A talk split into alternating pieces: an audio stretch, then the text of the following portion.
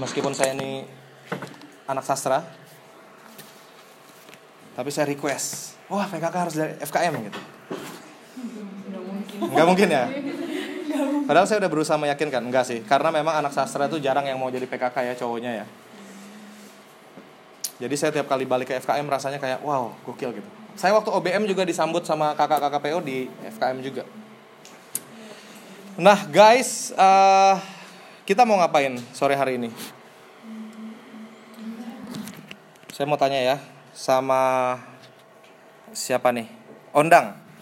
Apakah tujuan utama pemuridan di kampus?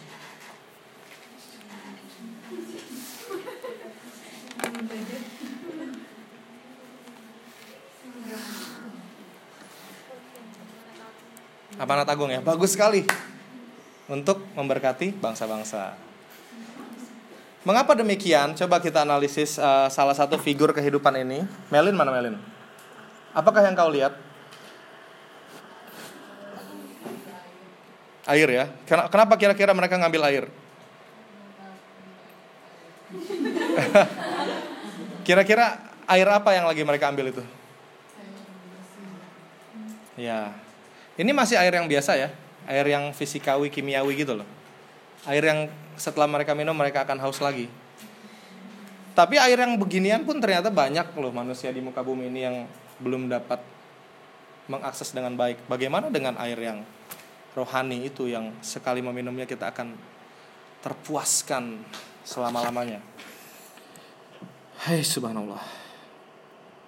Jadi apakah keinginan hati Allah uh, Willy Nggak ada ya Fanny Fanny mana Fanny mana? Oh ya Fan. Dalam konteks kehidupan nih apa sih keinginan hati Allah untuk setiap manusia? Lebih keras sorry.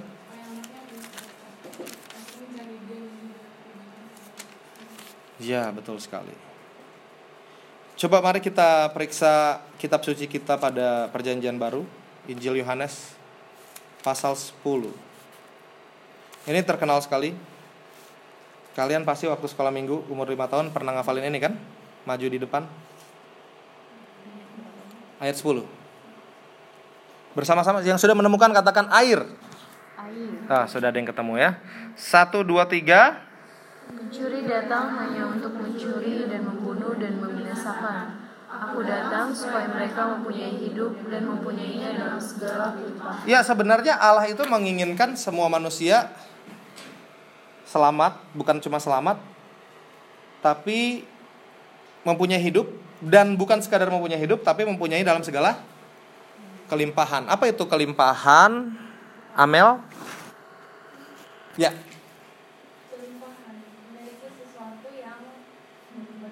Gokil.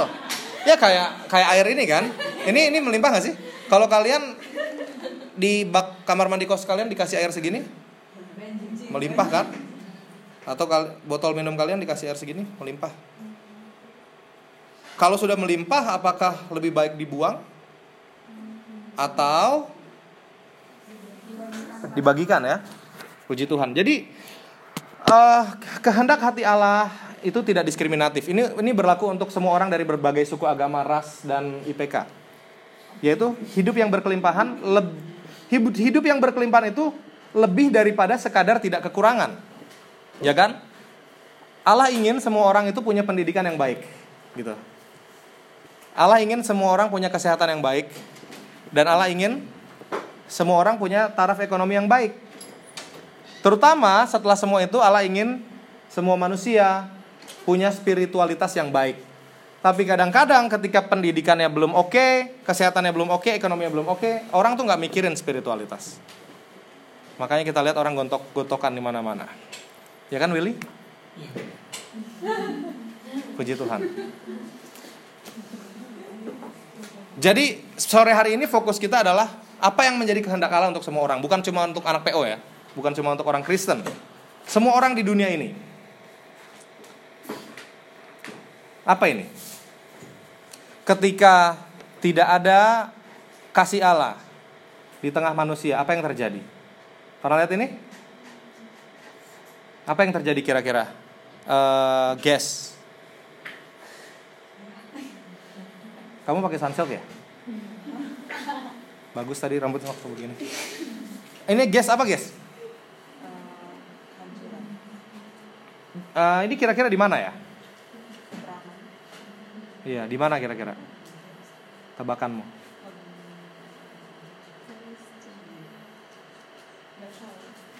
Kalau kita dengar berita yang terbaru kemarin penyerangan yang terbaru di mana sih?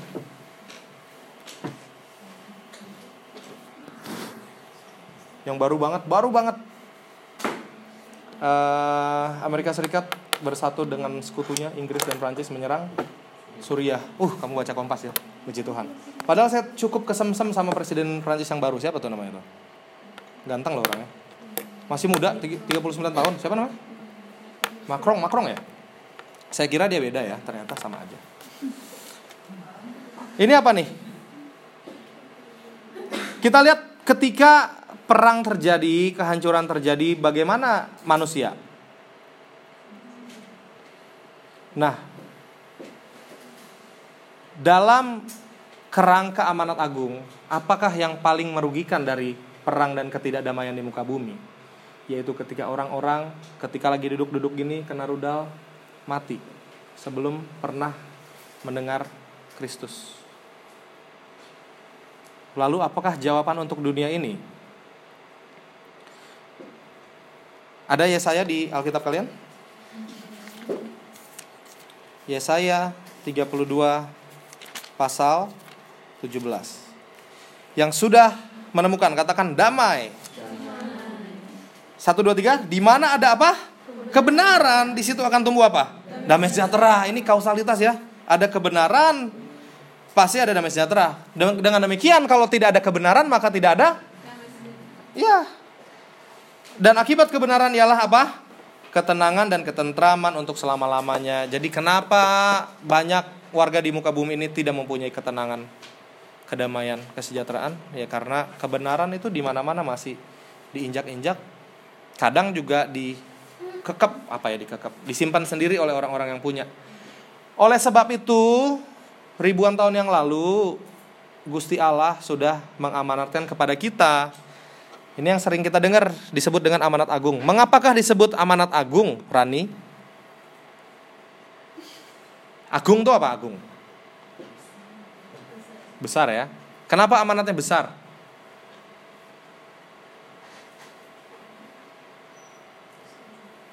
Benar sekali, karena tidak kecil. Tapi tidak kecil belum tentu besar juga ya. Bisa jadi sedang. Coba kita lihat uh, amanat agung itu ya. Kalau yang sudah hafal sih tidak usah buka ya. Kita lihat Markus 1 sebelahnya. Oke, judulnya apa? Perintah untuk memberitakan Injil. Bersama-sama. Dan ke-11 murid itu berangkat ke Galilea ke bukit yang telah ditunjukkan Yesus kepada mereka. Ketika mereka eh ketika melihat dia mereka ngapain? Menyembah dia, tetapi beberapa beberapa orang kenapa?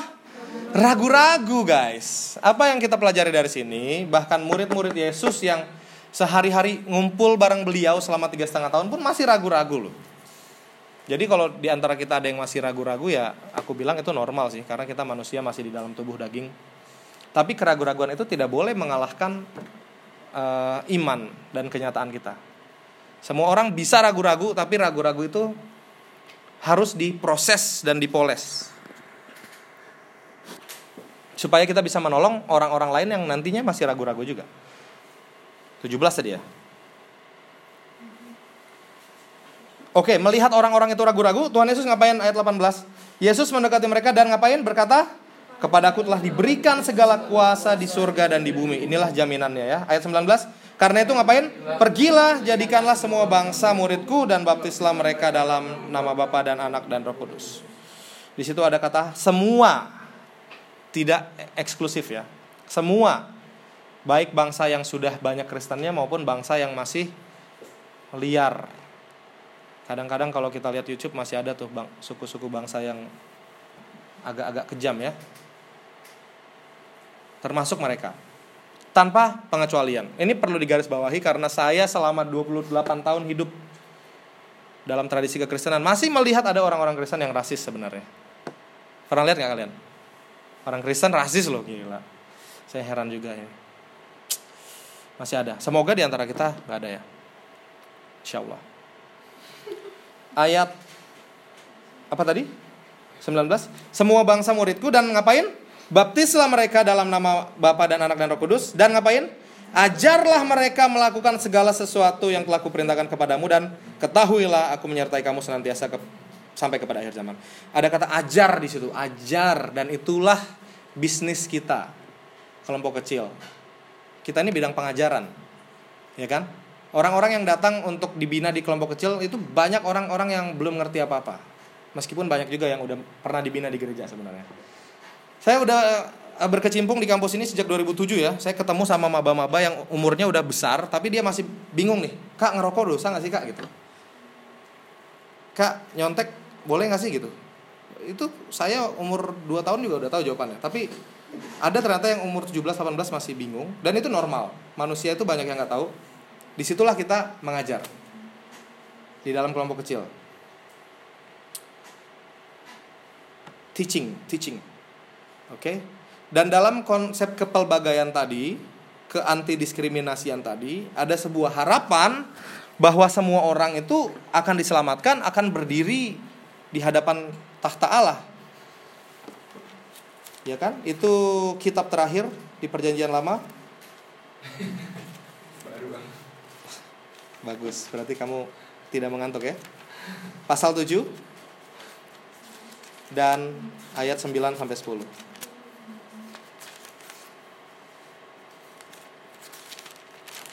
Ini dia kerinduan. Ini waktu itu dilihat oleh Rasul siapa nih? Yohanes ya, di mana? Pulau Patmos ya. Beliau mendapatkan penglihatan yang sangat gokil ini. Apa katanya? Ayat 9. Kemudian daripada itu aku melihat sesungguhnya suatu kumpulan besar orang banyak. Berapa jumlahnya? Tidak dapat terhitung banyaknya dari mana? Segala bangsa dan suku dan kaum dan bahasa berdiri di hadapan tahta dan di hadapan anak domba, memakai jubah putih dan memegang daun-daun palem di tangan mereka. Dan dengan suara nyaring mereka berseru, "Keselamatan bagi Allah, kami yang duduk di atas tahta dan bagi anak domba." Kalau kita ngelihat uh, ayat ini berarti kita tahu kerinduan hati Allah, semua orang dari berbagai bahasa harus mengenal Beliau. Jadi kita sebagai para pemberita Injil tuh sebenarnya harus punya kelengkapan berbahasa juga loh. Kalian bahasa Inggris bisa kan ya? Itali, Prancis, bahasa daerah bisa ya. Itu senjata loh, ya kan? Lihat uh, perjanjian baru ditulis dalam bahasa apa? Meskipun para penulisnya orang mana? Orang-orang Ibrani. Karena pada waktu itu bahasa Yunani adalah bahasa internasional. Jadi Allah ingin ini dibaca oleh internasional nih. Makanya sekarang banyak juga Alkitab bahasa Inggris ya kan. Nah, jadi jangan pernah sepelekan bahasa ya. Kalau kalian punya waktu, ambillah kuliahnya berangkat FIB. Ambil bahasa Ibrani dasar, bahasa Jawa dasar, bahasa Jepang dasar, bahasa Korea dasar. Bahasa apa pun dasar. Hemat daripada kursus nanti habis lulus. Nah, kita lanjut. Kalau kita lihat konteksnya lebih sempit lagi. Pemuridan di kampus yaitu yang sedang kita kerjakan saat ini. Ini adalah bagian kecil dari gerakan besar bagian kecil dari gerakan besar yang Allah buat di Indonesia dan seluruh dunia. Ini adalah pemahaman yang perlu di apa ya ditanamkan dalam kepala setiap orang yang mau terjun dalam kelompok kecil karena kelompok kecil itu godaannya besar. Kelompok kecil bergodaan besar. Uh, bahkan orang-orang yang sudah dibina dalam kelompok kecil pun bisa kabur-kaburan, ya nggak? Apalagi yang tidak uh, ter-include di dalamnya. Oke, okay? uh, eh, kelompok kecil yang kalian biasanya di sini AKK-nya berapa jiwa ya? 45. Terus sampai dengan akhir hayat kira-kira bertahan berapa rata-rata? Selalu 5 ya? Gokil puji Tuhan ya. Sungguh bersyukur. Bagus sih itu kalau nambah ya. Uh, tapi begini ya, aku mau kasih tahu kalian sebuah rahasia. Sebenarnya tugas utama kalian di sini adalah belajar. Itu pelayanan utama kalian tuh di sini belajar sebenarnya kalian tuh sebenarnya orang yang agak-agak ah aku males ya pakai kata itu. Tapi kalau dilihat oleh dunia kalian tuh nambah-nambah kerjaan tau nggak? Ikut kelompok kecil gini. Ya nggak sih? Emang ngaruh ke IPK ada gitu di IPK eh di apa? Apa tuh namanya? Siak ya? Iya. Muncul apa enggak nanti di CV kalian tulis nggak? Oh puji Tuhan.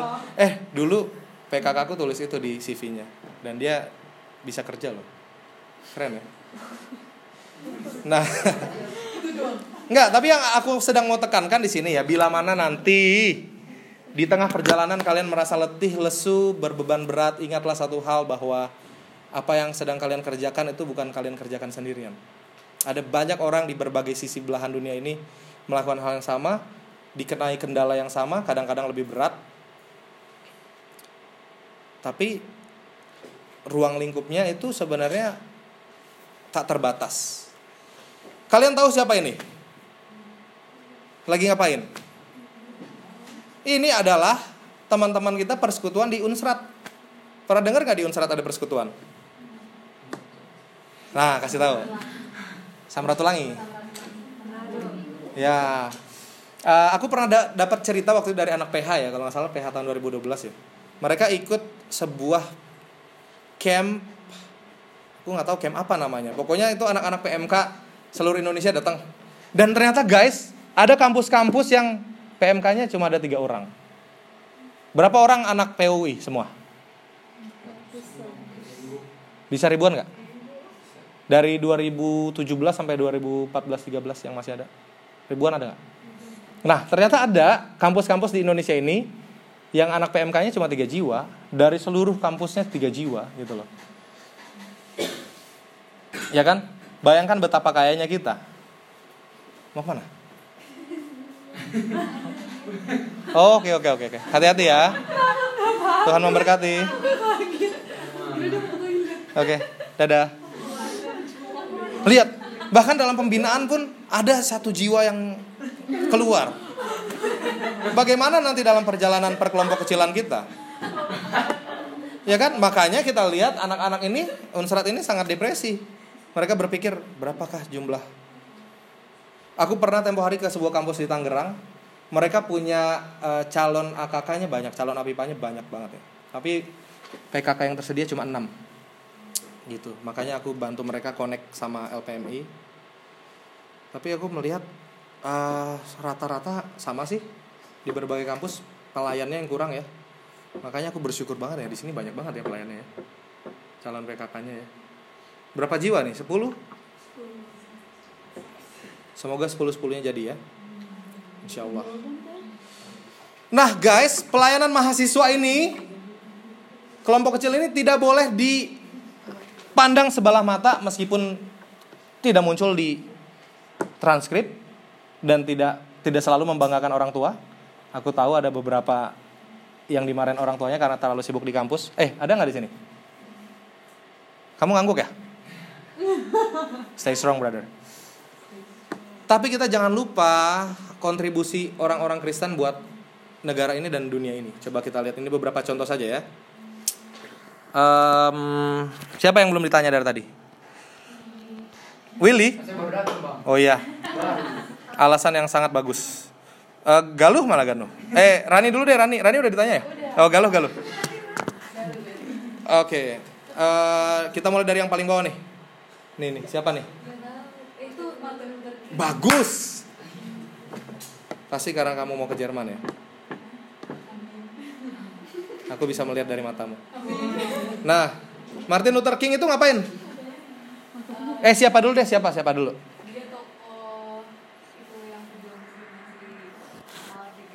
Perjuang diskriminasi ya, jadi memperjuangkan diskriminasi. Oke, anti apartheid ya. Matinya bagaimana dia?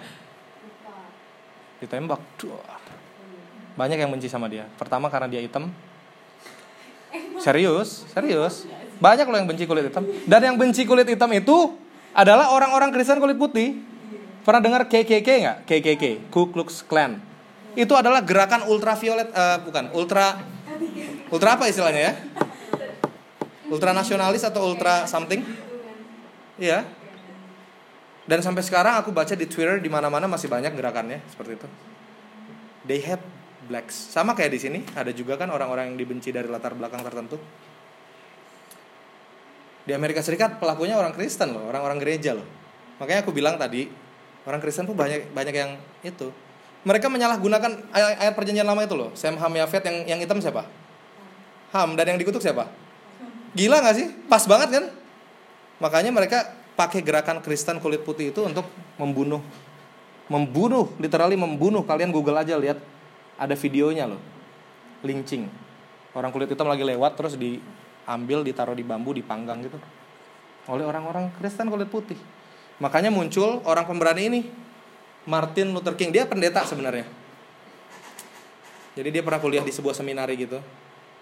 Dan dia terkenal dengan I have a dream. Apa dreamnya? Suatu hari nanti anak-anak saya sama anak-anak mereka akan main bareng, kuliah bareng. Udah terjadi kan? Barack Obama jadi presiden kulit hitam pertama. Puji Tuhan. Seandainya nggak ada yang pernah bicara seperti itu, sampai sekarang Amerika Serikat itu orang kulit hitam itu masih ditindas. Nggak bisa kita ngelihat Barack Obama. Nggak bisa Barack Obama datang ke sini, Balerung 2010. Kalian nggak datang ya? Nah, yang ini siapa nih? Siapa yang belum ditanya nih? Risma. Hai.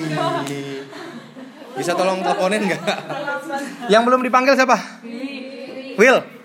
Siapa nih yang di samping MLK? Ini mirip loh, mirip. Martin Luther, nggak pakai King. Martin Luther, reformator. Orang Jerman. Nah, beliau juga lahir dari kalangan akademisi. Beliau adalah seorang pengajar Katolik, guru, guru Katolik gitu ya. Dan beliau anti mainstream. Waktu itu kan katolisitas di seluruh bumi dipegang oleh paus yang sangat korup ya. Sehingga setiap kali kita berdosa, misalnya kita nyontek, eh siapa nih semester ini yang pernah nyontek satu kali minimal semester ini? Jujur, angkat tangan. Nggak ada ya? Oh semester, pokoknya sejak kuliah di UI pernah nyontek minimal sekali. Siapa? Angkat tangan. Satu, dua, tiga, empat. Puji Tuhan atas orang-orang jujur ini. Seandainya kalian nyontek, kalian harus bayar ke gereja pendeta nggak tahu berapa bayarnya tapi bayar besok nyontek lagi bayar lagi gitu dan si Martin Luther ini dengan pembacaan Alkitabnya yang penuh dia ngelihat ini salah nih ketika orang lain ngangguk-ngangguk aja sama ucapan paus dia bilang ini salah dan dia tulis 95 tesis itu kan dia getok di pintu di, di tembok gereja kalau beliau tidak lakukan itu sampai hari ini udah berapa uang kalian habis buat bayar ke gereja tadi baru nyontek loh misalnya buang sampah sembarangan Misalnya untuk setiap buang sampah sembarangan kalian harus bayar 10 ribu. Seumur hidup udah bayar berapa? Wow, 10 juta ya, puji Tuhan. Atau misalnya satu hari malas ke gereja gitu, bayar 500 ribu misalnya. Udah berapa bayarnya? Hah? Oke, sekarang kita pergi ke yang lokal ya. Ini siapa nih? Uh, Ondang. Siapa nih? Namanya dan ih, siapa yang bilang? Kamu ya? Bagus. Siapakah Yosur Darso? Dari salah tiga dia? Wow. Kamu solo tiga juga ya? Oh, oke okay, coba ceritain gimana tuh Yosur Darso tuh? Ya, ya. Ya, kamu pasti pernah baca ya. Ini pasti mahasiswa nih. eh guys, ini ya dia meninggal muda banget dan dia sebenarnya sebagai seorang kapten kapal ya punya hak untuk meninggalkan kapalnya loh. Dia jabatannya tinggi gitu loh. Tapi ketika diserang oleh kapal-kapal Belanda, dia stay di kapal itu gitu loh. Dia malah sambil kapalnya tenggelam dia sambil terus ngerep itu. Pokoknya dia semangatin terus dua kapal lainnya itu. Gokil ya, dia dia mati di kapalnya sendiri demi mempertahankan kedaulatan Indonesia. Nah sebelahnya nih siapa nih? Uh, Fani. Siapa nih? Yang tengah ini sering jadi nama jalan, tapi kita nggak tahu orangnya siapa. Namanya dari R W Eh jangan jadi lapar kalau aku bilang RW ya. R W M. Kebetulan memang datangnya dari daerah yang banyak RW-nya sih. IP-mu pasti di atas tiga ya. eh, tunggu, tunggu, tunggu, tunggu. Siapa yang baru pertama kali dengar nama Robert Walter Mong? Oh, puji Tuhan. Terima kasih Willy telah mencerahkan mereka. Ini aku kesel ya kalau anak-anak muda Kristen nggak tahu siapa Robert Walter, Walter Mengonsidi ya. Dia tewas pada usia 25 tahun. Masih muda. Sekalian sebentar lagi ada yang 25 kan? Kira-kira umur 25? Heh, jangan bilang jauh ya. Dulu aku 17 tahun. Dia, eh, mereka ini sama nih, sama-sama melawan agresi militer Belanda kedua. Yang satu di laut, yang satu di darat. Nah dia ini langsung dicap sebagai pengkhianat, lalu dikejar oleh tentara uh, Belanda dan Inggris dan bersembunyi. Ketika bersembunyi, datanglah tentara penjajah itu bilang gini, siapa yang bisa kasih tahu kami di mana posisi si Walter, kami kasih duit. Eh, warganya nggak mau lagi. Murahan banget ya. Tapi memang itu jamak terjadi karena warga waktu itu kelaparan ya pada zaman penjajahan. Beliau ditangkap ya. Kalau kalian baca di buku-buku sejarah, itu saksinya banyak dan saksinya menulis selama di sel beliau kerjaannya baca Alkitab dan belajar bahasa Jerman. Cuma dua itu kerjaannya. Karena teman satu selnya ada yang bebas nih. Sama-sama dicap penjajah. Kenapa teman satu selnya bebas? Karena dikasih amnesti mau. Dia nggak mau nih dikasih amnesti. Dia bilang, kalau saya terima amnesti dari kerajaan Belanda, berarti saya mengakui kedaulatan Belanda di atas negara saya. Dia bilang enggak dong, ini Indonesia, kenapa lu amnesti di negara gua? Ya udah gua hukum mati aja, dia bilang gitu dalam hati. Tapi nggak pakai bahasa gua ya. Terus waktu dieksekusi pada usia 25 itu, beliau pegang Alkitab nih di sininya, di dadanya. Dan beliau belum menikah dan sudah punya pacar. Nggak tahu kabar pacarnya gimana. Uh, dan yang paling dicatat oleh sejarah adalah bagaimana beliau menyalami satu persatu uh, tukang tembaknya. Salamin satu-satu. Karena tukang tembaknya orang Indonesia orang Indonesia semua. Tentara bayaran. Dia salamin lakukan tugasmu dengan baik. Gokil nggak tuh orang? Itulah Robert Walter Monginsidi orang Kristen guys. Anak Tuhan. Nah sebelahnya siapa nih? Siapa yang belum ditanya ya? Uh ada yang bilang Simatupang. Siapa yang bilang kamu ya hampir uh, Amel mana Amel Iya siapa nih ini nih, yang ini nih. Mukanya batak ya? Gak tahu ya. Ini orang terkenal kalian pasti aku sebut pasti kalian pernah dengar. Ini yang namanya dari J, belakangnya L. Sekarang jadi nama institut. J-nya nama Alkitab. L-nya nama Marga Timur. Ya Johannes apa? Ayo. Inilah yang disebut sebagai Johannes Leimena. Baru dengar ya? Astagfirullahaladzim. Oke, gini deh. Siapa di sini yang pernah berobat di puskesmas angkat tangan? Eh, kalian kan anak puskesmas ya? Fakultas kesmas ya? Ini kalian harus tahu dia lah, astagfirullah. Masa yang ngajarin anak sastra? Guys, ini bapak pendiri puskesmas. Beliau adalah seorang dokter. Dok. Oh ya, boleh boleh hormat pada beliau. Beliau gokil orangnya. Seorang pendiri puskesmas. Beliau orang kepercayaan Soekarno. Berkali-kali jadi menteri kesehatan pada zaman Soekarno. Orang Kristen loh. Suatu saat aku percaya dari tempat ini pun ada orang yang dipercaya oleh presiden. Asal semuanya belajar sungguh-sungguh, berdoa sungguh-sungguh seperti Leimena. Bukan cuma masalah kesehatan, beliau juga uh, berperan dalam G30S bukan sebagai penyerangnya ya. waktu waktu G30S Bung Karno kan hampir kabur keluar Jakarta tapi kalau Bung Karno kabur, maka kudetanya akan berhasil. Maka Lemena ini bertugas ngegodain Bung Karno karena dia deket banget. Kalau kalian googling, kalian bisa ketemu foto Bung Karno ngisengin dompet dia. Deket banget mereka parah. Um, waktu G30S, Bung Karno udah hampir kabur keluar kota naik pesawat. Ini kejadian di Halim ya. Lemena lah orang yang membujuk supaya Soekarno tidak naik pesawat, tapi naik mobil.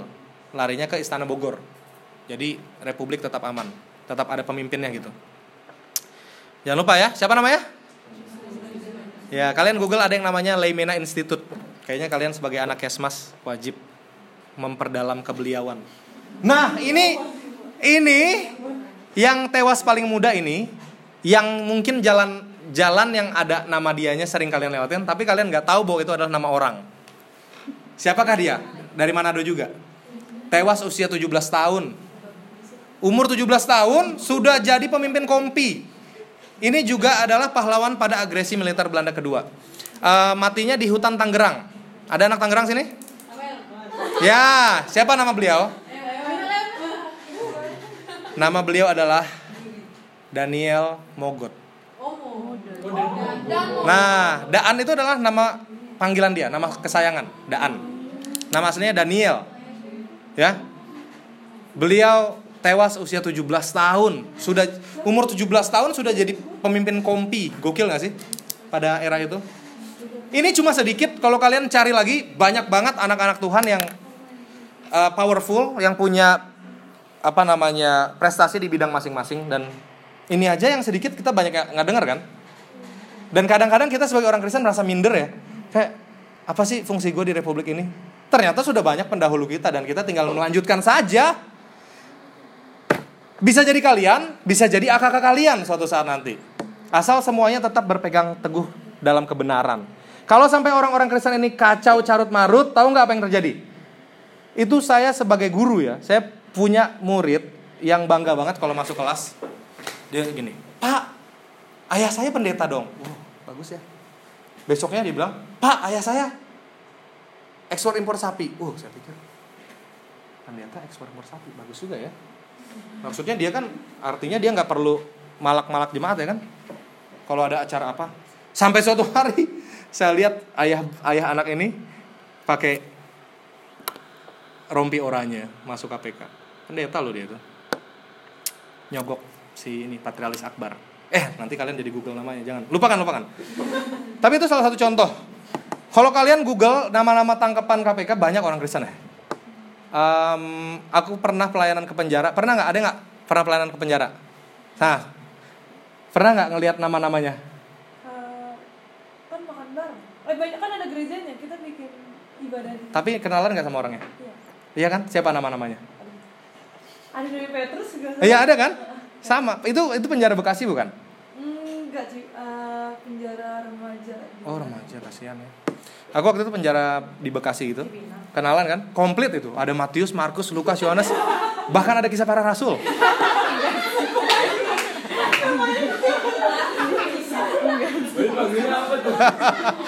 kiss, kiss. Jadi waktu aku menyadari um, ternyata gitu ya. Saya yakin bukan bukanlah rencana Tuhan gitu untuk mereka hidupnya separah itu. Ingat kan tadi rencana Tuhan apa Yohanes 10 ayat 10? Supaya kita mempunyai hidup dan apa? Iya kan? Kalau berkelimpahan, ya gini lah. Kalau kita di penjara karena memberitakan Injil, it's okay lah. Tapi di penjara karena uh, mukul pala orang sampai berdarah misalnya, korup atau apalagi korupsi ya,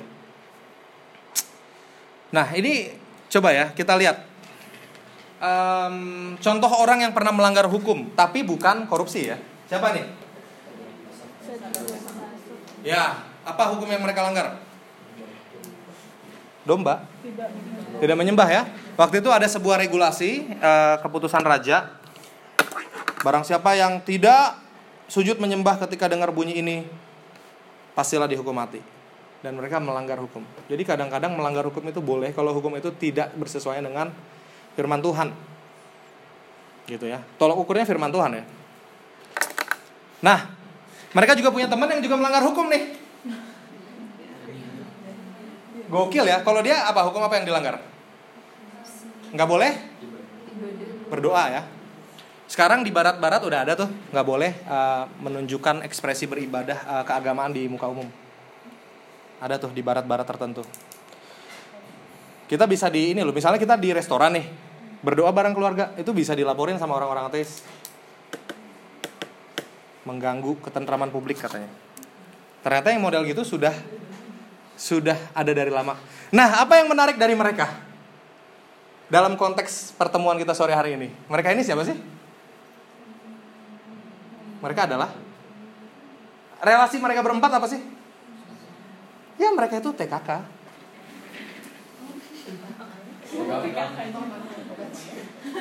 TKTB, coba lihat ya eh, kitabnya coba pasal 2, Daniel pasal 2. Ada Daniel di Alkitab kalian? Halaman berapa ya? Daniel pasal 2 ayat 15. Yang sudah ketemu katakan singa. Gokil. Siapa yang belum dipanggil tadi ya? Gak eh terakhir siapa sih terakhir? Yang dipanggil? Amel. Sekarang guess guess. Ah, ayat 15 guess.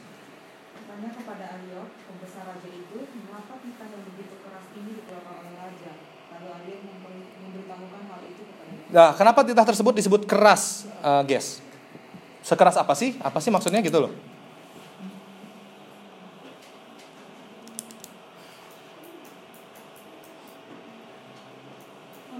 Nah, aku kan nanya, kok kamu ngacangin aku sih?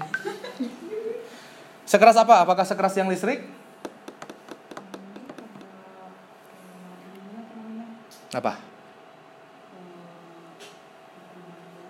Hukumannya apa? Jadi waktu itu si raja, raja Nebu itu ngapain? Ah itu dikit lagi sebelahnya itu. Ini masih mimpi nih, masih mimpi nih. Mimpinya disuruh untuk terjemahin para dukun, para dukun nggak sanggup. Terus dapat saran kan, nih Daniel jago nih, apa uh, mengartikan mimpi. Terus katanya, Nil, lu kalau nggak bisa mati ya Nil, gitu. Makanya dibilang titahnya keras. Ya siapa sih yang nggak mau mati? Eh salah. Siapa sih yang mau mati masih muda gitu loh? Hanya gara-gara salah nerjemahin mimpi nggak jelas. Ayat 16 maka Daniel menghadap raja dan meminta kepadanya supaya ia diberi apa? Waktu untuk memberitahukan makna itu kepada raja. Meskipun dia di, diurapi Allah, dia rendah hati. Dia minta waktu, nggak bilang oke, gue punya karunia gitu loh. Ayat 17 Kemudian pulanglah Daniel dan memberitahukan hal ini kepada siapa? Hananya, Misael dan Azaria itu siapa? Sadak Mesak Abednego. Teman-temannya ayat 18 dengan maksud supaya apa? Mereka memohon kasih sayang kepada Allah semesta langit. Eh, familiar nggak sih nih? Bukankah ini yang kita lakukan di kelompok kecil dan KTB? Kita punya masalah, punya isu kehidupan, kita minta sharing, kita minta didoakan, ya nggak sih? Itu yang mereka lakukan. Jadi mereka ini TKK atau TKTB gitu.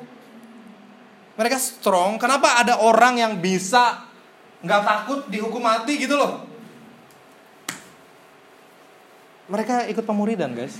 Jadi itu yang membedakan orang-orang yang gampang dalam tanda kutip melacurkan dirinya pada dunia dan dosa dan orang-orang yang berintegritas. Orang yang berintegritas itu pasti dia punya koneksi. Karena manusia itu bila sendiri lemah kan? Itu udah dari awal nih kejadian Tuhan bilang apa? Tidak baik kalau manusia itu seorang diri saja. Makanya di kampus ini ada persekutuan. Makanya ada kelompok kecil. Ya kan? Aku ini pernah kerja di sekolah Kristen tau nggak? Dan di sekolah Kristen itu tidak ada persekutuan. Pernah kita bikin, nggak ada yang datang. Padahal guru Kristennya banyak. Jadi aku selama kerja di situ ngerasa kering banget ya. Kangen PUI. Serius ngomongnya gitu, kangen PUI. Jadi kalian selama masih di kampus ini guys, hati-hati ya. Itu teman kalian di kanan dan kiri kalian itu. Kelihatannya aja sederhana, kelihatannya aja IP-nya biasa-biasa aja. Padahal nanti Padahal mereka adalah orang-orang yang akan kau rindukan ketika kalian sudah nyemplung ke dunia masing-masing. Aku bisa melihat ya dari tatapan mata kalian ada banyak di antara kalian yang akan diutus ke daerah-daerah ini. Bahkan daerah-daerah yang kekristenannya masih jarang, gerejanya masih jarang, tidak ada persekutuan.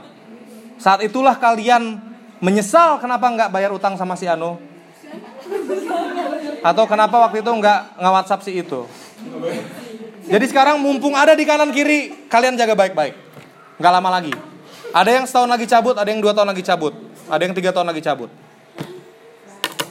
Hargai ini persekutuan. Ini tidak datang dari diri kita. Siapa yang sebelum masuk UI udah tahu akan punya teman seperti ini? Ya kan? Saya masuk UI tahun 2007, saya nggak tahu ada yang namanya PUI. Saya menyendiri di asrama main gitar, andaikan ada persekutuan di sini. Eh ternyata ada. saya nggak tahu waktu itu masih masih maba ya, belum disambut sama kakak-kakak PO, masih OBM awal-awal. Nah, sekarang apabila seseorang sudah mengalami persekutuan, pemuridan, mengalami berakar, bertumbuh dan berbuah, maka mereka akan tumbuh menjadi pribadi-pribadi yang strong. Gokil. Ini adalah pribadi-pribadi yang kalau misalnya kalian kerja di Kementerian Kesehatan, kalian disogok 50 miliar pun kalian nggak nggak mempan. Bukan karena nggak butuh 50 miliar ya, tapi karena kalian tahu hidup kita datangnya dari Tuhan, bukan dari para penyogok yang sok kaya itu. Dan kadang-kadang ada juga orang-orang yang memang punya karunia apa namanya, utusan pribadi, panggilan pribadi. Aku bisa melihat sih dari sini. Sekarang aku tanya nih, misalnya kalian nanti lulus.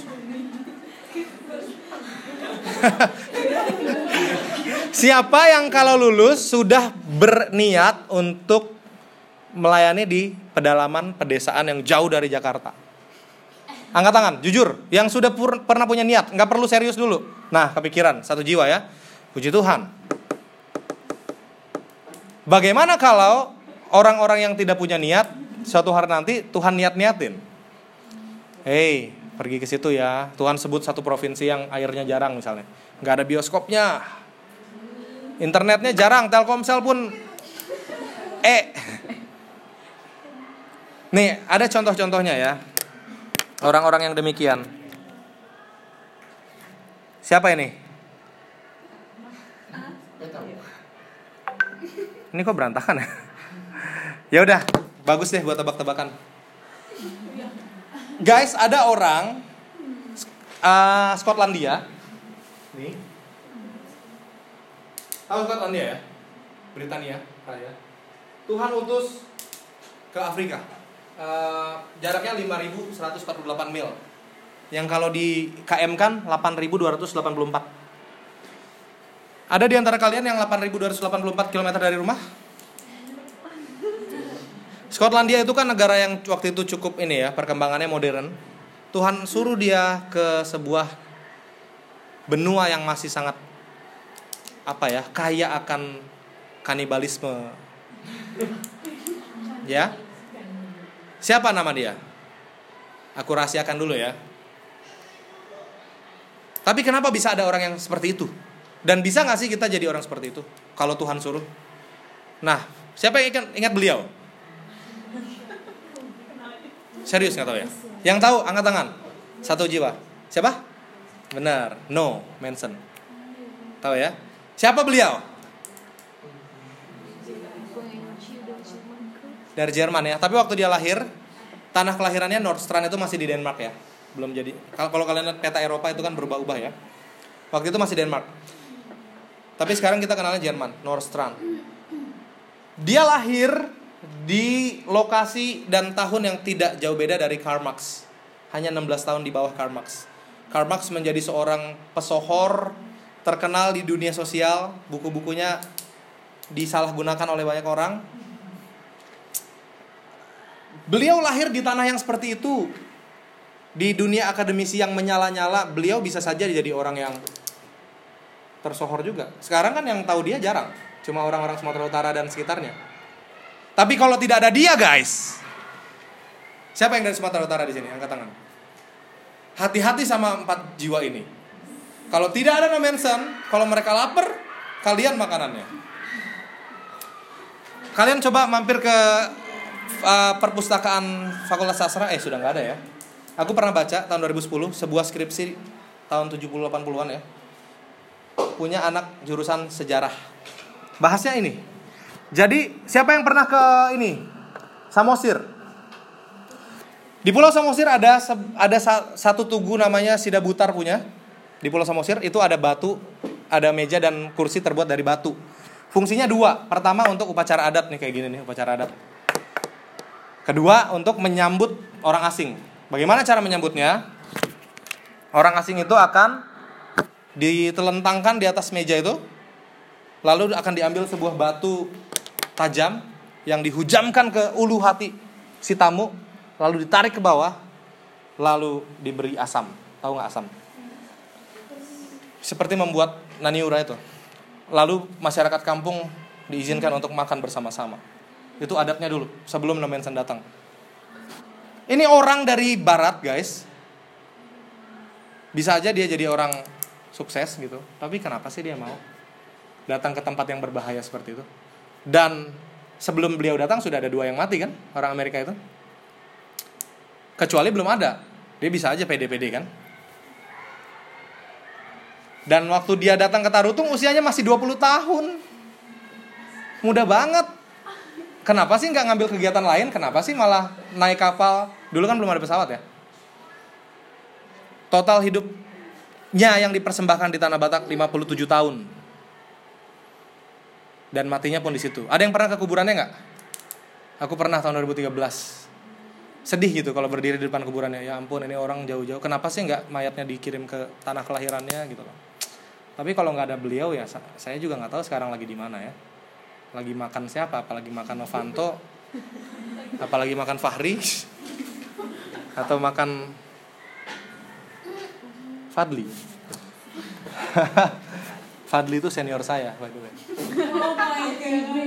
Guys, lihat ya, rumahnya di Nordstrand yang dulunya Denmark dan sekarang Jerman. Perginya ke sini, guys. Siapa coba sih orang yang mau kayak gitu ngabisin masa mudanya 20 tahun? Siapa yang umur 20 di sini? Angkat tangan. Ya sebesar kamu itu, no mention itu. Kamu 20 ya? 21 21 Gimana kalau kalian sweet? Cuma dua orang yang 20 ya. Aku juga pernah 20 by the way, 80 8 8 tahun yang lalu. Sejauh itu. Kenapa? Kenapa coba deh? Nah, tadi belum terjawab tuh. Yang ini. Siapa nih yang yang dari Skotlandia ke Zambia? Aku lupa juga namanya. Cukup terkenal. Dia menginjil uh, Afrika. Tahu nggak? Namanya siapa? Kalau aku sebut, kalian pasti oh, tapi belum tentu tahu ya.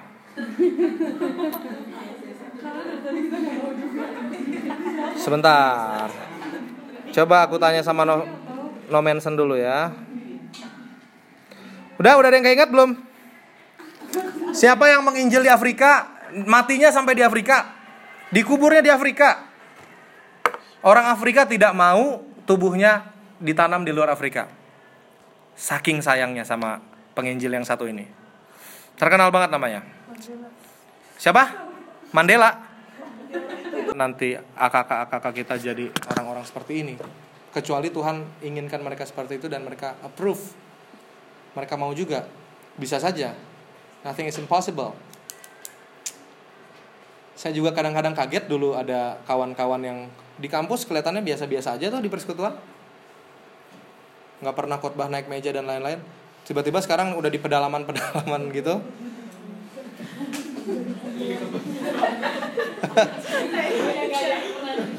Iya tiba-tiba sekarang mereka pelayanan di pedalaman di daerah yang susah-susah. Mereka tinggalkan kehidupan Margo City yang mewah ini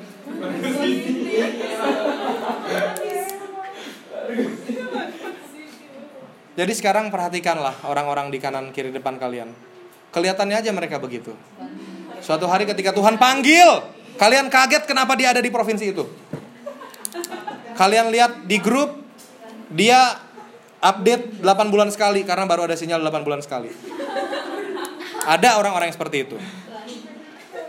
Dan tidak sembarangan. Gitu loh. Itu hanya orang-orang yang Tuhan yang mengizinkan Tuhan memproses hatinya karena sulit bagi kita anak-anak muda untuk meninggalkan impian-impian kita yang lain-lain itu. Semua orang sebelum masuk UI udah punya impian kan? Ada nggak? Siapa yang sebelum masuk UI udah punya cita-cita setelah masuk UI mau ngapain? Angkat tangan. Eh kasihan ya kalian ya. ya udah. Kok begitu ya? Nggak apa-apa, nggak apa-apa. Tapi sekarang begitu sudah kuliah, sudah punya impian mau kerja di mana gitu misalnya? Angkat tangan.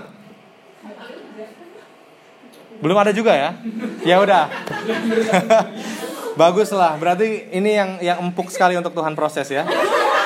Belum ada cita-cita Ntar Tuhan drive ke sini, ke sana, ke sini, ke sana. Oke. Saya tinggal tunggu kabar dari kalian. Tapi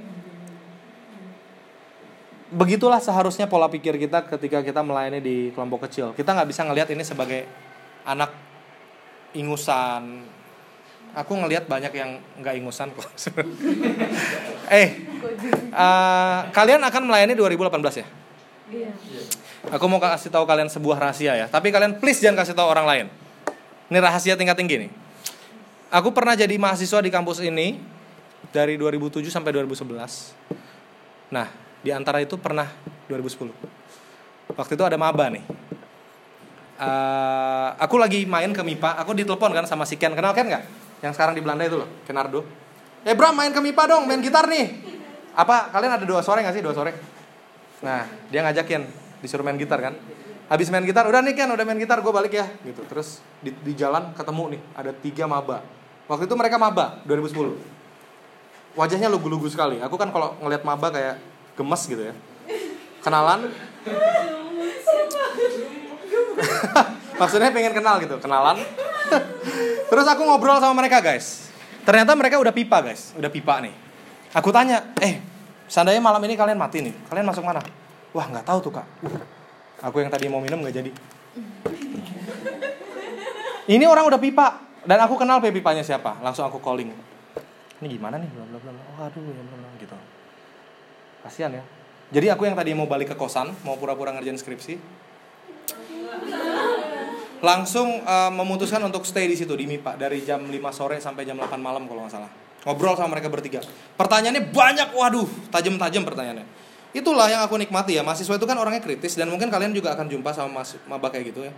Kalian jangan langsung percaya gitu dia udah pipa, terus dia udah yakin anugerah keselamatan. Ini kalau kita lihat dari Alkitab dari Perjanjian Lama, Tuhan selalu bilang ajarkanlah berulang-ulang. Ya nggak sih? Ajarkanlah berulang-ulang. Kenapa? Karena Tuhan tahu ini otak manusia terbatas. Ini orang udah lulus pipa aja masih nggak tahu konsep keselamatan. Jadi aku share selama 3 jam dengan mereka. Habis itu udah dadah. Aku anterin ke Bikun. Udah nggak pernah ketemu lagi deh.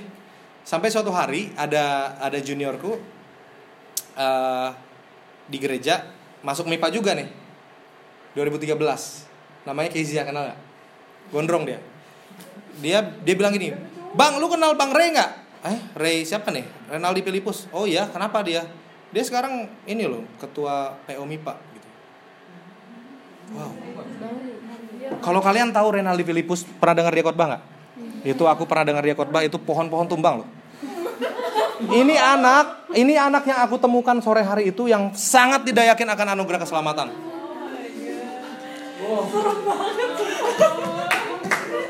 Kenapa kalian? Jadi aku ah, waktu dengar itu kayak kaget gitu dari si Kezia. Ah, serius dia ketua PO MIPA gitu. Gak mungkin kalau aku lihat perangainya waktu masih maba orang dengan penuh keraguan-raguan aku, aku waktu sharing dia ternyata punya masalah keluarga dan lain-lain. Nggak nyangka gitu loh orang model begini punya hati lebih gitu bukan sekadar ikut apa PJ pulang dia mau melayani bahkan bahkan sekarang dia jadi full timer kan di mana tuh perkantas ya aku pun kaget itu ngelihatnya eh Ray mau kerja di mana Ray perkantas bang uh. iya aku mau minum nggak jadi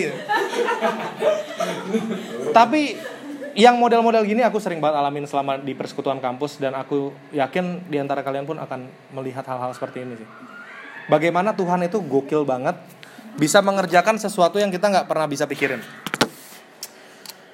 Oke, coba lihat ini. Uh,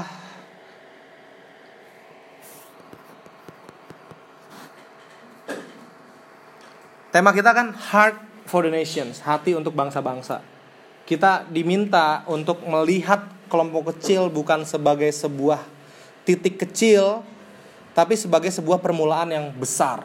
Permulaan untuk sesuatu yang besar karena kita nggak pernah tahu Tuhan udah siapin blueprint apa untuk calon AKK kalian. Kita cuma tahu ini maba. Kita nggak tahu mereka jadi apa di depan. Kita nggak pernah tahu. Aku pernah ketemu anak MIPA lagi, nggak tahu kenapa aku kenalan MIPA aku banyak ya. Ini anak dari pedalaman Sumatera Utara yang Bataknya kebatakan banget, ngomong bahasa Indonesia belepotan. Tapi suatu hari dia menang kompetisi apa uh, Olimpiade Sains Nasional Pertamina. Dia ditawarin kerja di Pertamina dan dia tolak. karena dia ingin menjadi guru. Dan sekarang dia ke mana-mana, seluruh Indonesia ngajar fisika ke pedalaman-pedalaman.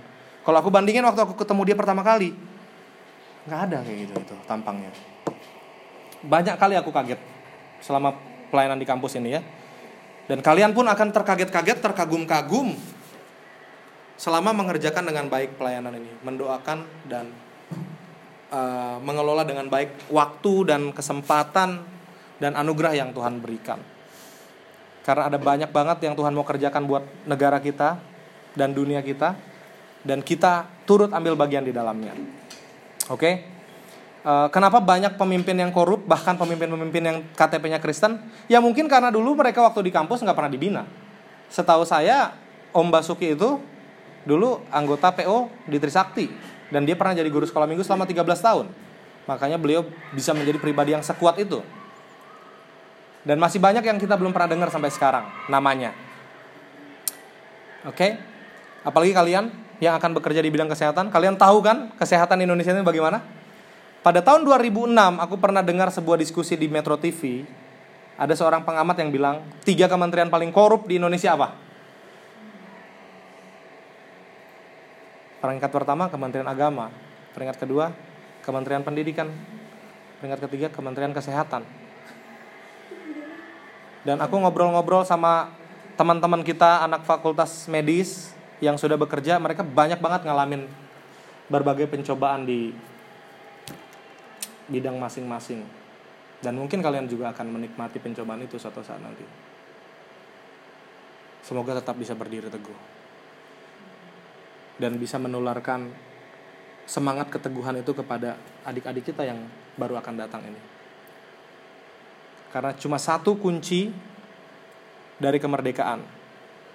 Dunia kita ini penuh dengan kemiskinan, penuh dengan korupsi, penuh dengan kekerasan. Bahkan kalau kalian ikutin perkembangan di barat, perdebatannya adalah tentang aborsi. Begitu banyak yang mendukung aborsi, bahkan orang-orang gereja. Banyak yang menyalahgunakan LGBT, kita sebagai orang Kristen mengasihi manusianya, membenci dosanya, begitu kan? Tapi banyak juga gereja-gereja yang dipaksa untuk menikahkan orang sesama jenis di sana, kalau tidak di penjara. Dan sebagainya dan sebagainya. Kita hidup di dunia seperti itu. Kelihatannya Indonesia masih aman, tapi kita nggak tahu 5 tahun, 10 tahun ke depan bagaimana dan hanya ada satu yang dapat memerdekakan kita dari berbagai pencobaan dan ikatan dunia, yaitu kebenaran. Ini ayat penutup kita, Yohanes 8 ayat 32.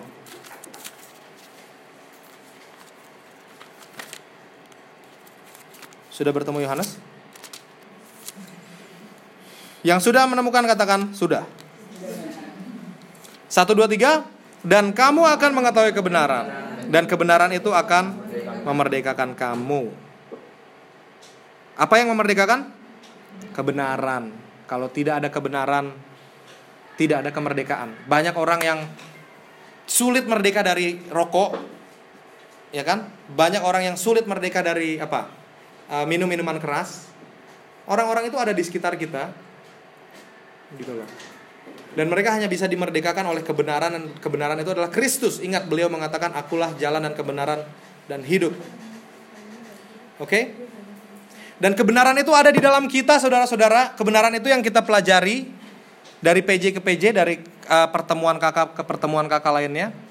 Dan bagaimanakah kebenaran itu akan berdampak ke sekitar kita? Ya. Sebagai penutup, bagaimana semakin banyak orang di dunia bisa mengenal Kristus, satu-satunya cara harus semakin banyak yang memberitakan dan yang memberitakan itu haruslah kita dan adik-adik kita yang akan kita bina. Oke. Bagaimana dunia percaya kalau tidak ada yang memberitakan Injil? Bagaimana bisa memberitakan Injil kalau tidak ada yang rela melayani? Bagaimana bisa rela melayani kalau tidak bertumbuh. Dan bagaimana bisa bertumbuh kalau tidak diproses dalam pemuridan? Sepenting itulah pemuridan di dalam konteks antar bangsa. Kita sudah lihat dari tadi bagaimana keselamatan itu, berita keselamatan itu disebarkan dari benua ke benua. Siapa bilang kita cuma nerima-nerima aja? Sudah waktunya kita orang Indonesia juga memberitakan Injil ke negeri-negeri seberang. Kita bisa menjadi alatnya atau kita bisa mempersiapkan alatnya. Yaitu calon-calon AKK-AKK kalian yang sudah kalian mulai doakan sejak sekarang ya kan? Sampai saat ini ada pertanyaan?